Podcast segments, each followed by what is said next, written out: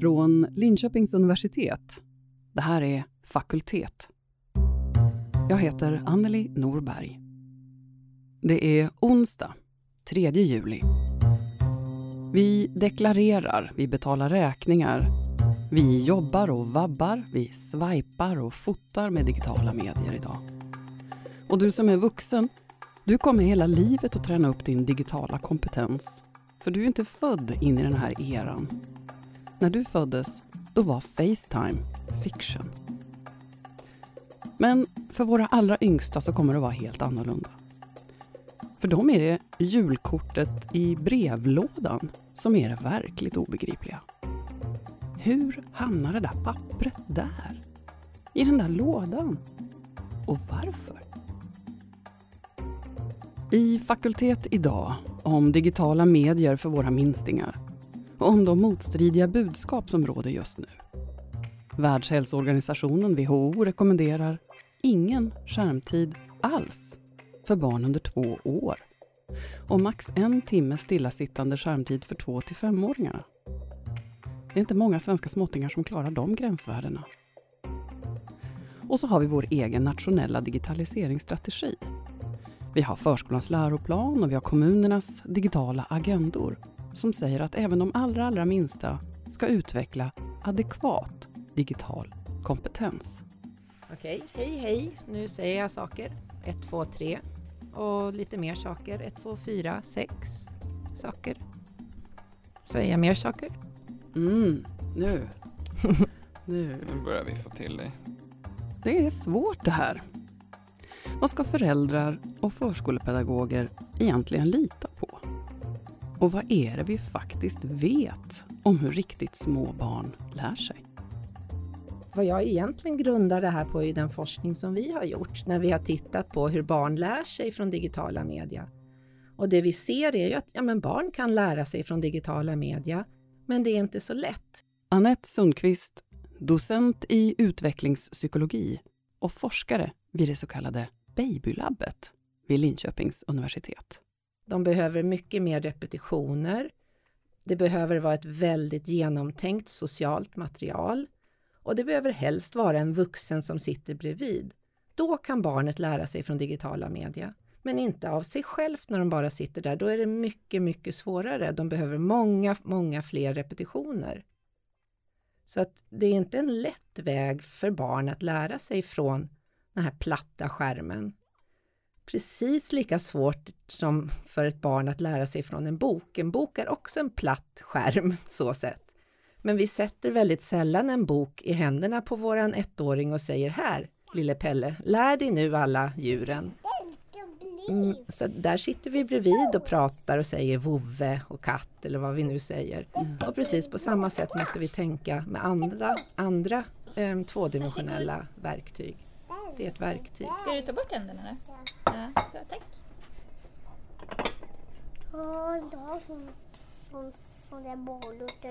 Om man tänker tillbaka på hur det var för några år sedan när TV kom ganska mycket. Eh, då, då var det ju vissa stunder på kvällen när det fanns TV-program. Det fanns vissa stunder eh, när det fanns barnprogram. Man var orolig för det också. När video kom var man väldigt orolig för det och pratade om att ja, det är farligt, det, man kan inte använda för mycket av det. Och viss del i den oron är ju sann. Man ska inte använda för mycket utav um, en annorlunda interaktion, kommunikation. För att om man är ett litet barn så behöver man ju mycket övning i att förstå världen. Om man behöver övning i att förstå världen där man är just där och då. Ett litet barn behöver hjälp att förstå världen och det kanske inte en digital app kan hjälpa dem med. För den vuxna måste anpassa sin kommunikation och sitt sätt att prata till där barnet är just där och då. Sitt sätt att användas ut, eller förstå vad minns barnet, vad kommer de ihåg, vad de varit med om innan och allt det kan man ju integrera när man pratar med ett barn. Men det kan ju inte en app göra. Ja, vänta lite. Så fort.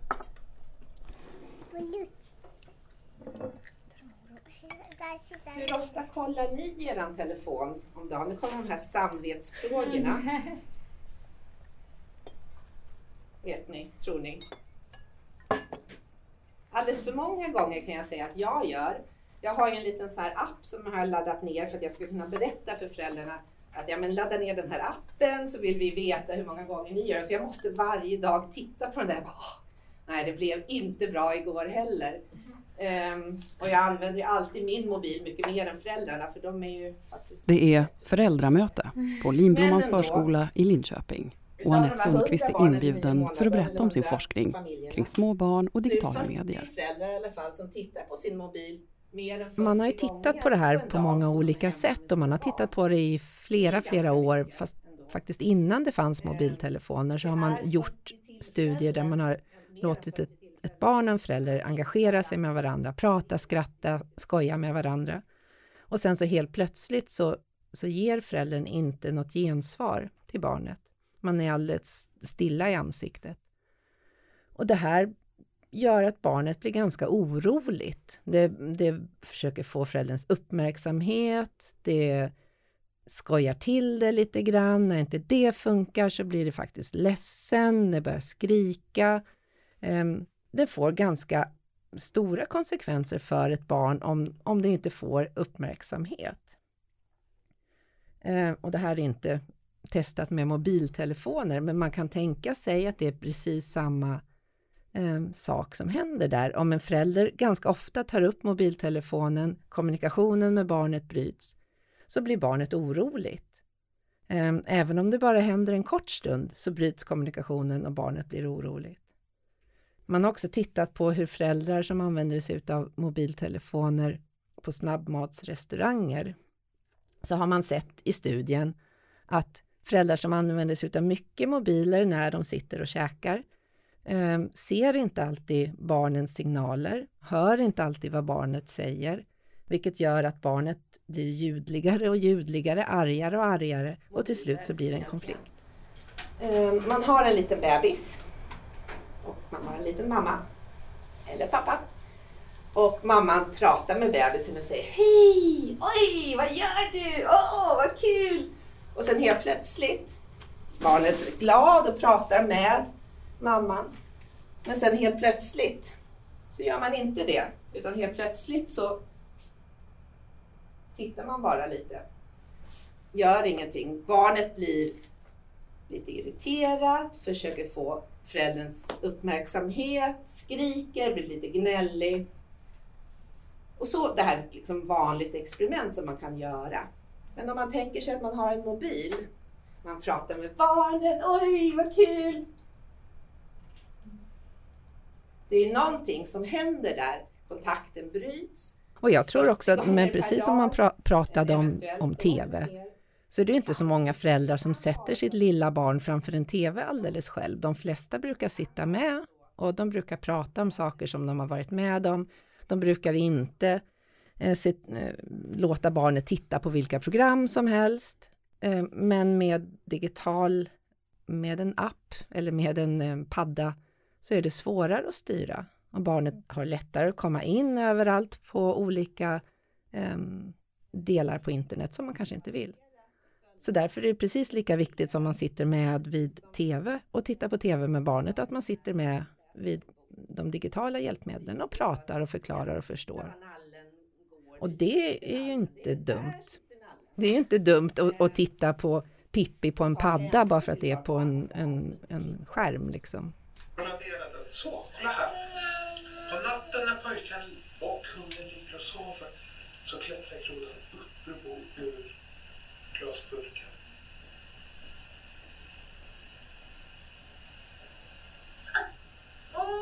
På morgonen när pojken och hunden vaknar så letar de överallt efter grodan. De hittar inte grodan. De letar i glasburken. De letar i stövlarna. Letar överallt. Pappiska. Men det han gör är att han repeterar, han expanderar, han säger samma sak om igen. Han använder sig av tonfall som gör att det här låter spännande när de sitter och tittar på paddan tillsammans och försöker göra det på, på pojkens nivå. Och vi har funderat väldigt mycket på eh, inte alls barnets mediaanvändning utan föräldrarnas digitala mediaanvändning. Hur mycket stör eventuellt föräldrarnas digitala medieanvändning barnets utveckling? Vi vet ju att barnet behöver höra ett visst antal och väldigt mycket ord per en dag. De behöver få väldigt mycket interaktioner per dag.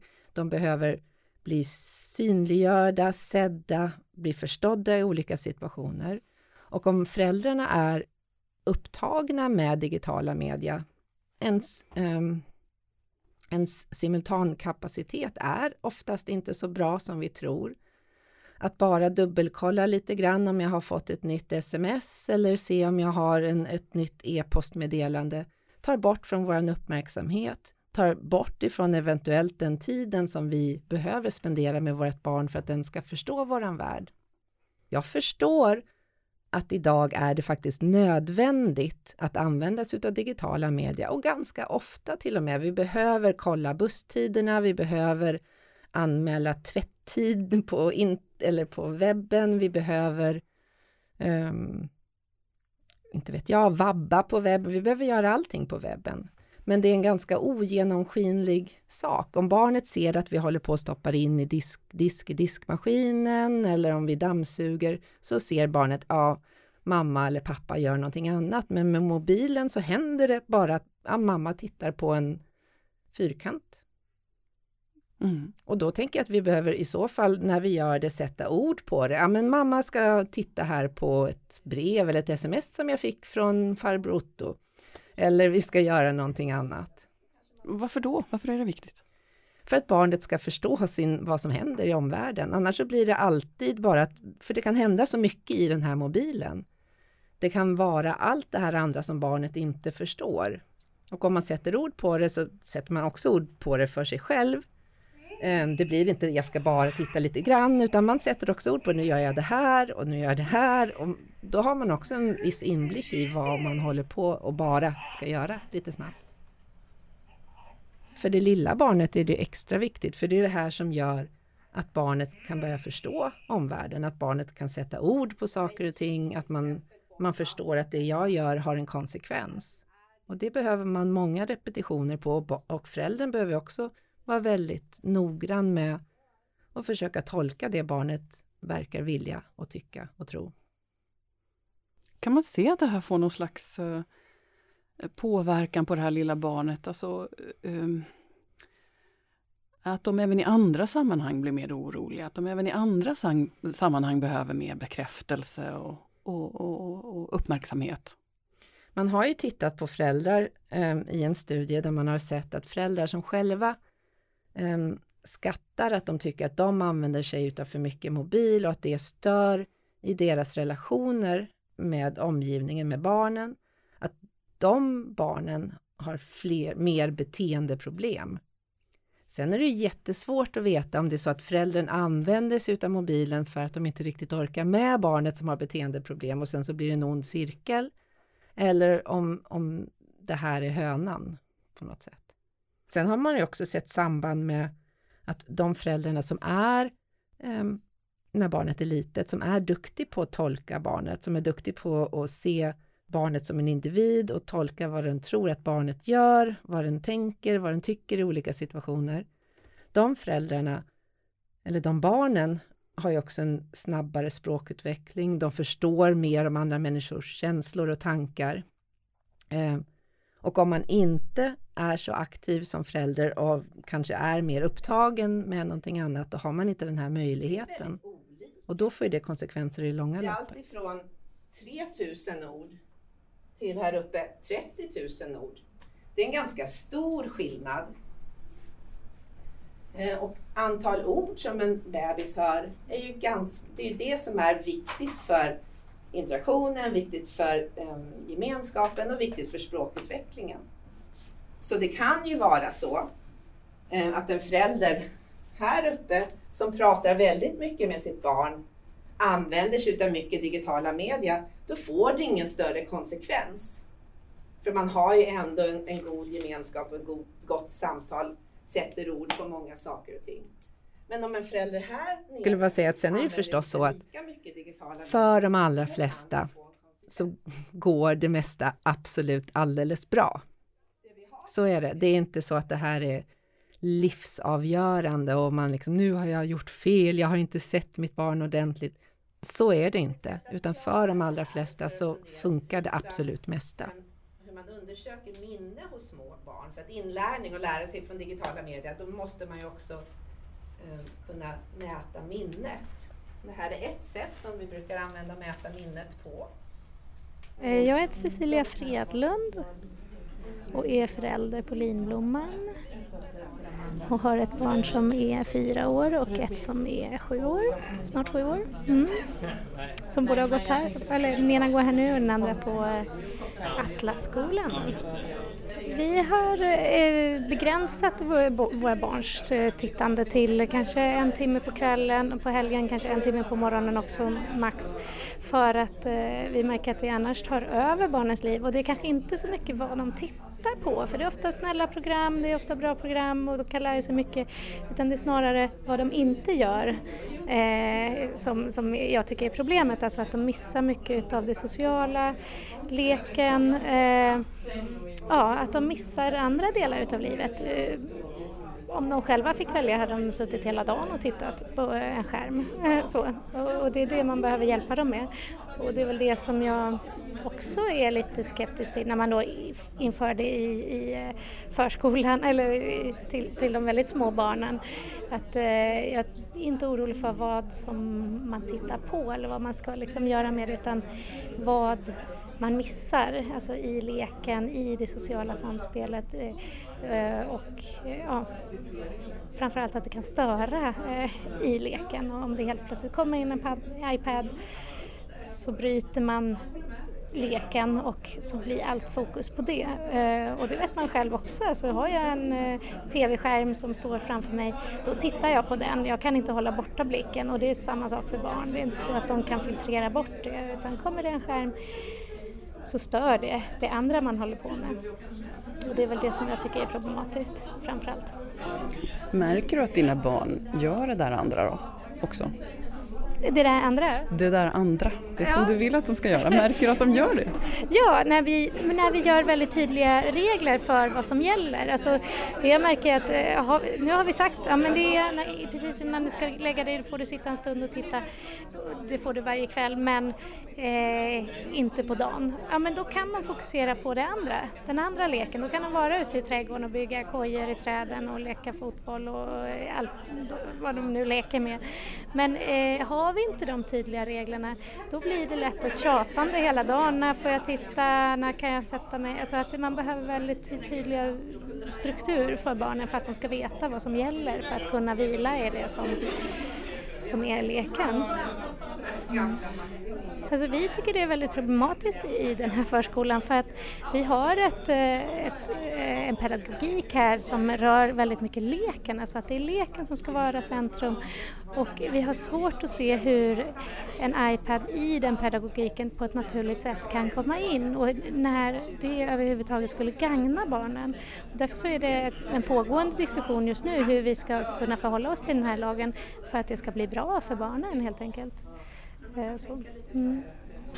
Men där kanske föräldrar och pedagoger just här på Linblomman är överens? Absolut, eh, det tror jag vi är väldigt överens, både föräldrar och pedagoger, att vi faktiskt inte tycker att det passar bra in i vår pedagogik. Eh, och då blir det ju problematiskt att det blir en tvingande lag, alltså att man måste ha det och hur man då ska lösa det. Eh, och, och, att det då blir mer, hur kan, vi, ja, hur kan vi komma runt det här problemet mer än att det är hjälp för oss. Ser du några positiva saker? Finns det något skäl? Inte i förskolan tycker inte jag. Alltså jag kan eh, absolut se att det finns positiva saker att ta med dig i skolan eller förskoleklass, alltså när de är så pass stora. Då tycker jag absolut man kan se att det finns fördelar med att ha med det i pedagogiken, men inte barn eh, under sex år. Jag, jag har svårt att se vad, att det är i förskolan skulle, för de får alldeles för mycket av den här tiden generellt hemma tycker jag och, och då, då ser jag inte att det tillför något. Så jag är kritisk. Mm. Tyckte du att det här var bra för dig? Tyckte du att det här var bra för dig? Ja, jag hade tittat på föreläsningen eh, lite innan vi fick en länk till det här. Så jag började tänka lite mer själv hemma på det här med co-viewing. Jag tyckte att det, ja, tänka på den liksom, interaktionen. Då. Så att det, jag tycker jag har gjort skillnad också. Ja, nej, men... Hur gör ni då när ni samtittar, du och dina barn? Ja, men det är mycket också bara finnas där när de ställer frågor om vad som händer eh, och eh, ja, förklara vad som händer. De vill ju liksom förstå det liksom med ja, vad som händer kontra deras egna eh, erfarenheter. Så, och, och, där, ja, men de, och då kanske de också ser det mer som att man tittar färdigt på ett annat sätt eh, på, på barnprogram och så att man har ja, förstått vad som händer och, och skapa den här berättelsen i sitt eget huvud och liksom sätta den i sitt sammanhang. Berätta om eh, vad har ni för förhållningssätt till digitala medier hemma hos er?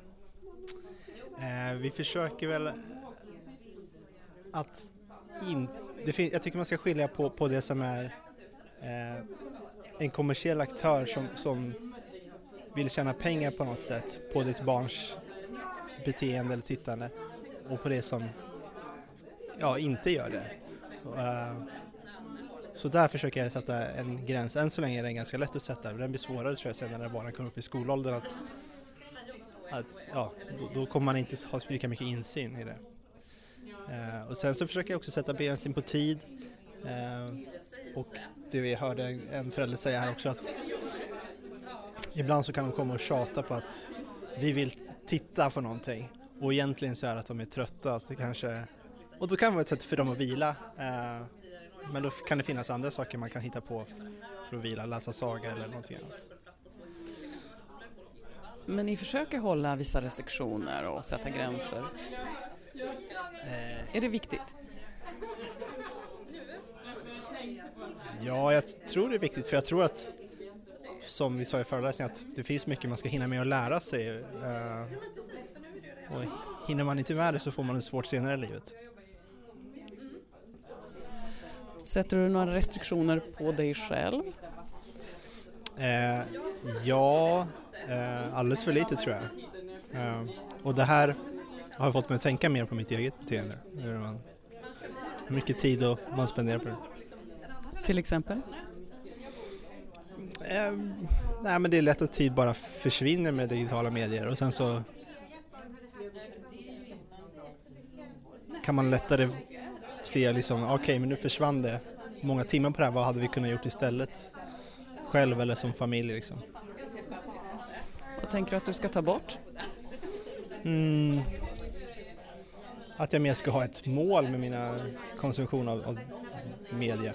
Sen tycker jag kanske att digitala medier är ett alldeles för brett begrepp ofta. Att, eh, det, det, finns mycket olika eh, nivåer på det och olika, ja, som sa om, eh, om, om, företag som vill bara belöna dig en för att du ska sitta kvar där en liten stund till för att de ska kunna visa fler annonser Eh, och se igenom det. Olof Siversson, pappa till två barn på Lindblomman. Jag tänker det, för, för föräldrarna är ju ofta väldigt oroade över, ja men ska barnet få använda sig av digitala media? Och jag tänker så länge de är med barnet och använder sig av digitala media så är det inget problem. Så länge de sitter och har valt ut den här appen eller så länge de, då kan man sitta ganska mycket och hålla på med saker och barnet kommer till slut få lite spring i benen och då kan man springa lite. Det är ju svårt. Ehm, det är ju liksom någonting som man gör utan att tänka på det. Därför tänker jag också det är viktigt att sätta ord på det, för då börjar man inse att ja, men det kanske är lite mycket. Vi har ju frågat ehm, föräldrar till fyra femåringar och mm, frågat ungefär 200 stycken nu Eh, och de flesta av dem tycker ju att de använder sig, sin mobil själva, tycker de att de använder den alldeles för mycket. Men sen så gör vi ju mycket med skärmtiden. Om, om jag är hemma och föräldraledig med mitt barn och jag inte kan spela gitarr till exempel och jag vill sjunga de här barnsångerna och jag har igång den här min Youtube eller Spotify-lista med alla barnsånger och jag och mitt lilla barn sitter och sjunger tillsammans. Så då kanske jag är glad att jag har mycket skärmtid den dagen. Det är ju inte så att om du har ett barn som är nio månader, eller låt säga två år, så är det förmodligen inte så att du för tio år sedan innan det fanns mobiler satt 12 timmar om dagen och läste för ditt barn. Förstås ska du inte nu heller sitta 12 timmar om dagen och eh, spela eller läsa på mobilen eller titta på mobilen med ditt barn, utan en variation utav saker. Men jag tycker inte man behöver vara så rädd. Nej, det är inte lätt att vara förälder. Inte lätt att vara förskolepedagog heller. När kraven och de pedagogiska ambitionerna kanske till och med krockar. Förskolans läroplan talar om att även våra minsta ska utveckla en adekvat digital kompetens. För de här småttingarna som aldrig ens levt en enda dag utan digitala medier. Nej, deras första selfie var ju förmodligen på BB.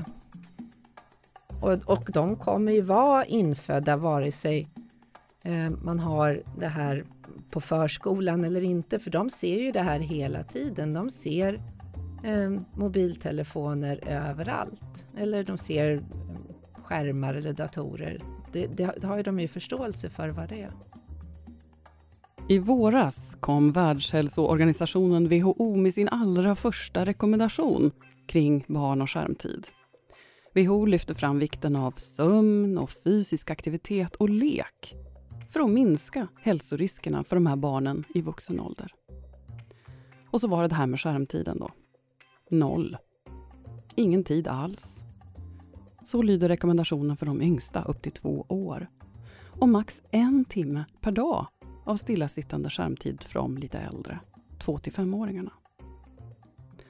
Och samtidigt så uppmuntrar, stimulerar och till och med kräver förskolans läroplan och vår nationella digitaliseringsstrategi och Skolverket och kommunernas digitala agendor någonting annat. I Linköpings digitala agenda för 2017-2019 så beskrivs ambitionen så här.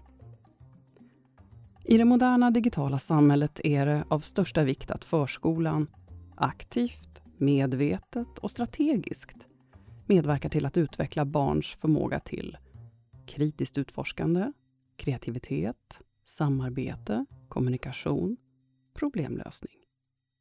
Digitala verktyg förstärker utvecklandet av dessa förmågor.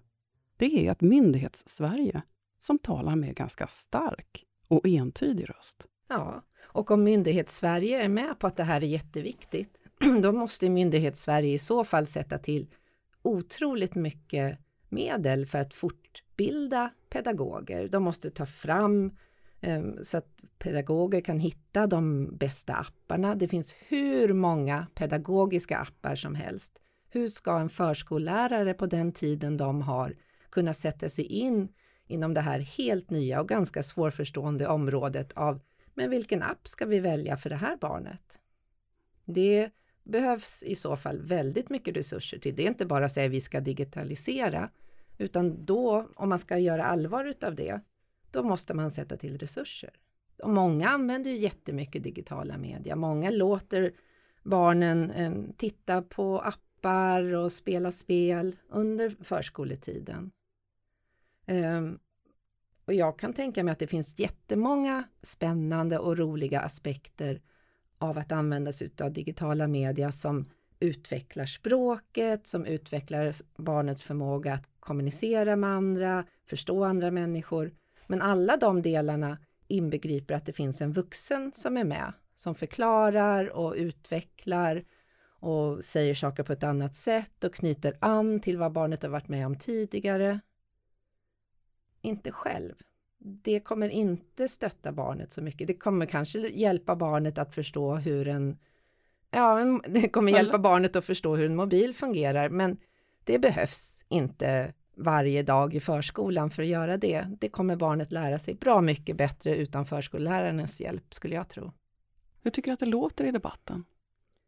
Jag tycker egentligen att det känns lite um, överilat att man behöver fundera på, för det är ju inte digitala media i sig som är det viktiga, utan det är innehållet.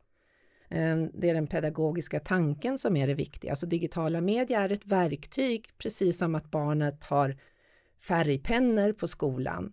Ehm, vi tycker det är viktigt att de har färgpennor eller kriter eller vad det är. Och eh, digitala media är också ett verktyg. Så då måste man i så fall, om man använder det, fundera, men vad ska, vad ska innehållet vara? För det är det som är det viktiga. Det låter lite som att digitala media ehm, det som jag hört av olika föräldrar, att man, att man är rädd att barnet inte ska förstå hur en mobil fungerar, att det är självaste eh, handhavandet utav ehm, apparaten som är det som man ska lära sig. Och det, det, det, jag tänker det kan inte vara en, en, den pedagogiska inriktningen med förskolan, att man ska se till vilka apparater som, som barnet ska lära sig om man tänker sig att ja, men det här är jätteviktigt för att lära sig färger, eller vad det nu kan vara, då måste man i så fall se, ja, men vad är det för innehåll då? Hur ska vi göra det här? Um, och, och, då är det där man ska lägga fokus. Är det det viktigaste att man hittar en, en jättebra färgapp som barnet ska använda? Blir det bättre då? Eller kan man göra på något annat sätt? Eller ska man kombinera? Men att ha um, digitala media som ett egensyfte i sig och inte som ett, ja men det här kan vara ett pedagogiskt redskap. Det tycker jag blir lite konstigt. Alla saker som pedagoger gör på en förskola som pedagogerna är med på, har ett samarbete om, pratar om, tycker är spännande, har genomtänkta diskussioner om kommer vara bra för barnen. Men om förskolan inte har tid till det här, inte har möjlighet att prata ihop sig, vare sig det handlar om digitala media eller utelek eller vad det än handlar om, så riskerar det att få negativa konsekvenser för att de inte är riktigt med på tåget. Och jag tänker i en förskola så borde ju syftet vara pedagogiskt, att man tänker att det här är ett bättre pedagogiskt medium än ett annat pedagogiskt medium eller verktyg vi har. Och det bör man fundera lite på. För där är du inte riktigt övertygad? Nej. Därför att där finns ju ändå pedagogerna. Där finns ju de och vi vet ju just där att de, ju, de har ju betalt för att vara där med sitt barn. De, behö, de ska inte behöva ta liksom lite paus och göra någonting annat. I så fall är det för få pedagoger på förskolan, tänker jag. Eh, och sen så Eh, ja, men man måste ha ett syfte med användningen. Man ha, måste ha ett innehåll som man har provat fram, som man tycker är bra, som är pedagogiskt riktigt, som uppfyller alla de här pedagogiska kraven man har. Och det, det behöver man vara sampratad med i förskolan. Man behöver ha sonderat alla hundtusentals pedagogiska appar som finns för att man väljer ut det som är bra. Är det några här som brukar videochatta med sina barn? Eh, vilka använder, vilka brukar ni barnen chatta med? Er eller med? Pa partner som är bortrest. Ja, precis. Farmor och farfar. Ja. Och det är ju en otroligt viktig digital mediafunktion. Att kunna ha den där kontakten fastän föräldern eller morföräldern eller farföräldern inte är närvarande. Och det är kanske inte så att eh, den här som ser ut att vara några månader kanske riktigt förstår att det där är pappa där.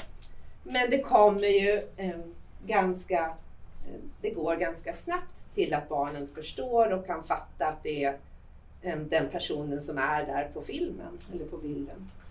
Eh, vi har videochattat rätt mycket då vi båda rest rätt mycket i jobbet ja. när barnen har varit väldigt små. Mm. Och det har funnits perioder då det har varit jättedumt att videochatta. För barnen har blivit så fruktansvärt ledsna. Ja. För de har inte förstått. Mm. Jag skulle säga att det är under två kanske. Ja. Då vi liksom har undvikit och istället videochattat med varandra när barnen väl sover mm. för att se hur dagen har varit och sådär. Ja. ja. Det är ju inte säkert att barnet inte längtar efter den andra föräldern bara för att de inte ser den heller. Men eh, det är klart, liksom man vill ju inte att den ska bli så ledsen. Lättare att titta på en bild av föräldern ja. då kanske. Mm. Eller liksom just att det blev verkligt fast ändå inte någonstans. Ja. Jättekluven till det med mm. just med småbarn. Mm. Och samtidigt så vill ju ni Men jag tänker, till exempel så har vi tittat en hel del på eh, hur eh, små barn videochattar med släktingar som bor långt bort. Att man inte har en möjlighet till en nära kontakt, men genom att använda sig av digitala medier faktiskt kan prata med den här eh, morfan som bor i långt bort i stan och ha en, en kontakt som gör att när de väl träffas sen så är det faktiskt som de känner varandra. Och det är väl ett helt ypperligt sätt att använda sig av digitala media.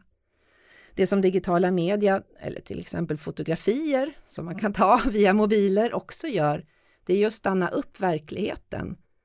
Man tar ett kort på när man var och tittade på djuren och sen så ser man alla barnen som klappar djuren. Sen tar man hem det här, visar det på storbild hemma på förskolan och pratar om djuren, pratar om vilka andra djur som finns, vad man gjorde, man hittar på berättelser om det.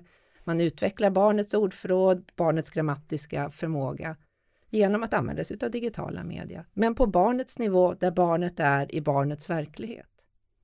Och sen så kan man ju förstås fortsätta om man vill prata om inte vet jag, vad olika djur äter eller om man vill prata om eh, olika material. Eller, men man kan ju fortsätta i all det oändliga och, och utöka det, men från en verklighet som barnet har varit med om.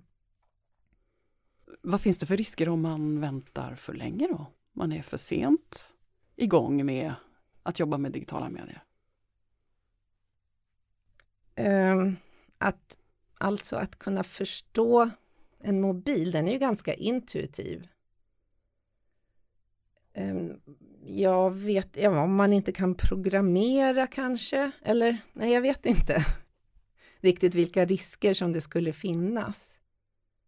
Ehm, I skolan så lär man sig att läsa och skriva och man lär sig också att skriva på sin um, iPad eller vad det nu är. Finns det inte risk att det blir ojämlika villkor? Att, uh, att vissa hinner föra eh, andra i någon slags digital digitaliseringsverklighet? Uh, i, förs, eller för, i skolan så beror det på vad skolan har för resurser. Hur, nu är det väl oftast så att man får sin, sin egen eh, platta som man, som man ska använda och skriva på. Um, det är ju inte så som det är i många andra länder till exempel att vi tycker det är jätteviktigt annars kommer vi efter att barnen ska kunna alla bokstäver och läsa och skriva i femårsåldern. Så är det i de flesta andra länder. Det har vi valt att det kan man vänta till skolan. Men jag skulle tro att man kan vänta med det här också. Men jag har inga bevis för det. Det enda jag vet är att det är svårare för små barn att lära sig den vägen. Och att det är lättare för dem att lära sig när de har eh, interaktion med en person här och nu. Och det vet vi. Det vet vi. Ja, så jag fick vända om rätt. Mm. Det är förmiddag. Snart dags för lunch här på Waldorfförskolan Lindblomman. Och lunchen här, det betyder ekologiskt, hemlagat, av en egen kock i ett eget kök. Idag är det ris och sås och oliver och bettor. Förskolan har barn som är 1 till 5 år och Magdalena Fogel är förskolechef. Vi, I dagsläget så använder vi inte digitala medier och eh, våran önskan är ju att inte göra det. Eh, och särskilt med de här minsta och det vi har hört, den föreläsning som vi var på, och även andra föreläsningar som vi har varit på, visar på att vi har rätt, att vi är på rätt spår. Eh, och därför så väljer vi att inte införa det. Eh, vi måste förhålla oss till det på något sätt. Vi får se hur... Vi har inte kommit så långt i det arbetet. Eh, men eh, det är ändå så att vi kommer nog stå där att vi inte kommer införa det. Waldorfförskolorna i hela landet vill ju egentligen gå samman där att, och att stå gemensamt bakom det beslutet. Eh, nu är det ju en lagändring på det så vi, vi får se hur vi gör med det egentligen. Eh, Men varför inte? För att vi, vi vill ha, om man tittar på läroplanen så, så läroplanen ska vara evidensbaserat och eh, i nuläget visar det mesta på att, att det inte gynnar småbarnen att ha det inom, i sin förskolemiljö eller miljön överhuvudtaget. Hemma får man, det får man ju välja själv men vi måste ju stå här för vår pedagogiska verksamhet och då skulle vi vilja ha mer forskning kring det som säger att ah, det här är det bästa och det här är bättre än det vi gör nu. Men ni använder digitalkameror? Inte nu faktiskt. Inte här. Inte alls? Nej, vi gör inte det. Jo, i och för sig när vi, på arbetsdagarna har vi gjort ibland att vi har tagit kort och så. Och då är det ju för att dokumentera i så fall. Men inga Spotify-listor eller CD-skivor? Nej, vi sjunger vi, live. så att eh, ja, vi, vi lägger vikt på att vi, vi sjunger själva. Jag vill liksom inte ställa oss mot någonting annat så, men, men och jag tror inte i princip inte att vi eh, jag kan säga så här, vi värnar väldigt mycket om barnens frilek och det, det, är väl det som vi lägger krut på att barnen har väldigt stor utrymme att eh, få leka själva. Eh, för att barn eh, sina erfarenheter genom lek och därför vill vi också eh, ge dem väldigt mycket, eller mycket, vi vill ge dem tid för det. Eh, mycket och lite är väl en definitionsfråga. Men, men, eh, och då definierar jag fri lek som att barnen får initiera leken själva. Och eh, det är de som bestämmer innehållet. Det är inte jag som pedagog som bestämmer vad barnen ska leka. Eh, sen har vi ju en miljö som ska stimulera till fri, den fria leken och miljön är också utformad så att barnen eh, har föremål som de kan bygga med, som de kan spela, leka rollspel med, som inte egentligen är eh, form, alltså de är inte utformade för att vara en, till en viss lek utan man kan eh, räkna kottar, man kan låtsas att det är troll, man kan så. Och sen eh, har vi och även en tanke om att det är naturmaterial så man kan känna igen det från naturen och att det, en sten är en sten och inte en plastbit. Den har en viss tyngd som är rimligt för att vara en sten. Fast någon förstod inte att vi lekte med dem. Vi har gjort en studie där vi har tittat på barn i treårsåldern Eh, som har fått minnesuppgifter. Ehm, och sen hälften av gruppen fick efter minnesuppgifterna göra en fysisk aktivitet där de hoppade runt och studsade. Ehm, och den andra hälften fick sitta och spela något roligt spel på paddan. Och det som vi kunde se var att barn som hade fått studsa runt ehm, föreföll komma ihåg mer än barnen som hade varit stillasittande. Så rörelse har en positiv inverkan på minnet? Så att, mm. Och därmed inlärning då eller? Ja, precis.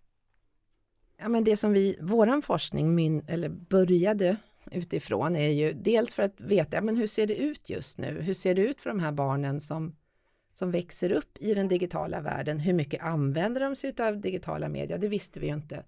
Hur pratar föräldrarna med dem? Det visste vi inte. Hur lär de sig? Det visste vi inte. Vi hade en tanke att det kanske var så att barnen som använde sig utav mer digitala media hemma var också de som lättare kunde lära sig från digitala media i våra minnestest um, på, um, på um, eh, hos oss när vi träffade barnen. det vet jag inte riktigt än om det är så. vid nio månader i alla fall så var det inte så.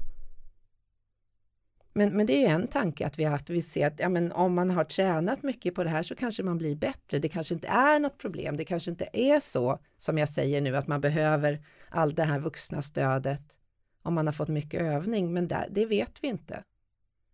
Vi vet i alla fall att de flesta barnen fortfarande har svårt att översätta från 2D till 3D. Vad händer härnäst då i er forskning? Vad är ni nyfikna på att ta reda på nu? Om vi tittar på lite olika saker. En del som jag är jättenyfiken på är att se um, hur påverkar det här barnens förmåga till annan lek? Till exempel om man använder sig mycket av digitala media så finns det olika sorters innehåll i digitala media. Visst innehåll är väldigt mycket socialt, man ska hjälpa människor, man ska göra på olika sätt. Annat digitalt medieinnehåll handlar om att man ska köra snabbast och komma liksom längst fram. Har det här någon betydelse för hur man leker i andra sammanhang? Får det betydelse för hur barnet kan samarbeta med andra barn? Får det betydelse för hur, um, hur man förstår andra helt enkelt? Det är en del. Ehm, sen är vi också intresserade av hur föräldrarna uppfattar det här. Hur uppfattar föräldrarna att um, om, om, digitala media stör deras samvaro med barn och uh, andra i sin omgivning? Relationerna så att säga, om de mm. påverkas av uh, att det här, att det här uh, rastret kommer emellan. Mm. Nej men precis, så att det är någonting som vi har tänkt att titta på i, i flera olika åldrar. Vi håller ju på med en stor studie, eller vi har ett stort enkätformulär som är um, uppbyggt tillsammans med forskare från flera olika länder. Uh, så vi, kan ställa, eller vi ställer samma frågor här i Sverige som man gör i Italien, som man gör i USA, som man gör i Tyskland. Och sen så kan vi på något sätt då se, men hur ser det ut i andra länder? Vad har vi att lära oss utav hur man har tänkt i Italien eller i USA? Vad intressant. Kan du säga någonting om, eh, om någonting ni har sett hittills? Nej. Nej, jag kan inte säga så mycket om det. Vi ska ha vårt första så här möte i sommar när vi ska titta på alla våra data och gå igenom och fundera på ja, men vad, vad kan vi lära oss utav det här? Och vi är ju inte klara med vår studie än och de andra är ungefär i samma skede för att de här barnen har ju inte funnits så länge. Så det är ny forskning. Har ni några hypoteser som ni jobbar efter? Ja, vad, jag, vad jag vet är ju att det är ganska lika på många olika sätt. En intressant sak när vi bara jämför det lite grann är att um, vi har ju låtit föräldrarna spela in en, en vanlig dag hemma um, när de är hemma med sitt barn. Och det vi ser hos våra svenska föräldrar är att de verkar vara ganska pratsamma och det verkar vara väldigt mycket mindre digitala media jämfört med andra länder. Faktiskt. Oväntat. Mm.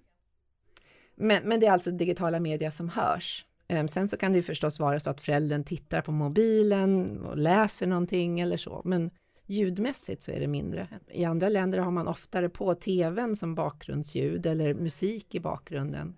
Och det vet man att det är också inte så himla bra för barnets förmåga att koncentrera sig, uppmärksamma det man pratar om, att de kan bli störda utav det. Men det ser vi inte så mycket hos de föräldrarna som vi har undersökt. Verkar det vara medvetet eller? Mm, Lyssnar nej. vi mer i lurar kanske? Nej, de säger att vi brukar inte hålla på med det så mycket. Selma, hon som tände lampan och också vars mamma eh, pratade här i början. Ehm, hennes pappa berättade för mig att de, har, de vill att hon bara ska använda Bolibompa-appen. Mm. Ehm, hon är två år, lite mer än två år. Ehm, och sen så helt plötsligt så kom ungen alltid in på Youtube. Så de, de liksom, men hur gör de? Vi har tagit bort Youtube, det finns inte. Men då hade hon liksom kommit på en genväg på mobilen så hon kunde komma upp på Youtube. Ja, för det var roligare. Ja. så det, jag menar inte att det är lätt. Nej. För det är lättare just med en bok eller mm. bokar än vad det är. Mm. Mm. Um, men sen så tänker jag barn oftast vill ju vara med oss mm. och de vill ju prata med oss och de vill ju göra saker med oss. Um, så man gör någonting med barnen tillsammans med paddan och sen så kan man lägga undan den. Ja, men får jag fråga något? Ja. Eh, vad är din åsikt då kring det här med att liksom, eh, digitala medier ska in i förskolan? Eh, så överallt. Eller för jag tänker att det är, generellt nu så är det ju egentligen ett problem att barn sitter för mycket vid datorer och att man rör sig för lite, man liksom leker för lite. Alltså så, det är ju egentligen vad studierna visar. Liksom. Men eh, hur tänker du kring jag den här? Jag tänker så här att om man ska använda sig av digitala medier så tänker jag att det finns väldigt många roliga sätt att använda sig av digitala medier i förskolan. Men om man, och det beror på hur man menar med digitala medier. Då menar jag, jag tycker inte appar, men jag tänker att man kan gå ut med sin padda och så kan man ta digitala kort eh, när man är ute på en utflykt. Så kan man ta hem korten, man kan prata om utflykten, eh, man kan sätta ord på det, man kan hitta på berättelser om utflykten. Det skulle jag tycka var ett bra sätt för förskolan att använda sig av digitala medier, till exempel. Eh, eller att man ja, använder det för att lyssna på eller, sånger eller, eller någonting sånt. Men att, att använda det som en pedagogiskt hjälpmedel, det tycker inte jag. Faktiskt. Jag tror att, för, just för det som jag har sagt också, att det krävs så väldigt många fler repetitioner. Det krävs en vuxen som sitter bredvid, som stöttar inlärningen. Då kanske man bara ska ha en vuxen som sitter bredvid och stöttar inlärningen istället för att gå via paddan. Eh, så tänker jag. När jag, när jag pratade med min, min 15-åring, eh, som om jag skulle säga åt henne att hon skulle lägga ner sin mobil, så skulle hon säga, liksom se ut som jag skulle säga åt henne att amputera armen. Um, hon kan aldrig lägga ner den och vi har många bråk om det här. Men nu när de är tonåringar så tror jag aldrig att mina barn går mer än fem centimeter från sin mobil. Jag tror inte jag skulle kunna be dem att lägga ner dem. Det skulle vara det värsta straff någonsin. Det är inte lätt att vara förälder. Och det är ju ändå skillnad hemma, privat, i en familj när de allra flesta gör så gott de kan. Mm. Och sen då förskolans värld. Och man, man vill ju gärna att förskolan ska göra de valen som man själv tycker. Men förskolan måste också stå för sina val, eller pedagogerna måste stå för de val som de gör. Och kunna ha möjlighet att göra det. Det här är Fakultet, en forskningspodd från Linköpings universitet som vill påverka i ditt liv och i ditt arbete och i din vardag. Vi är tillbaka imorgon. Vi hörs då.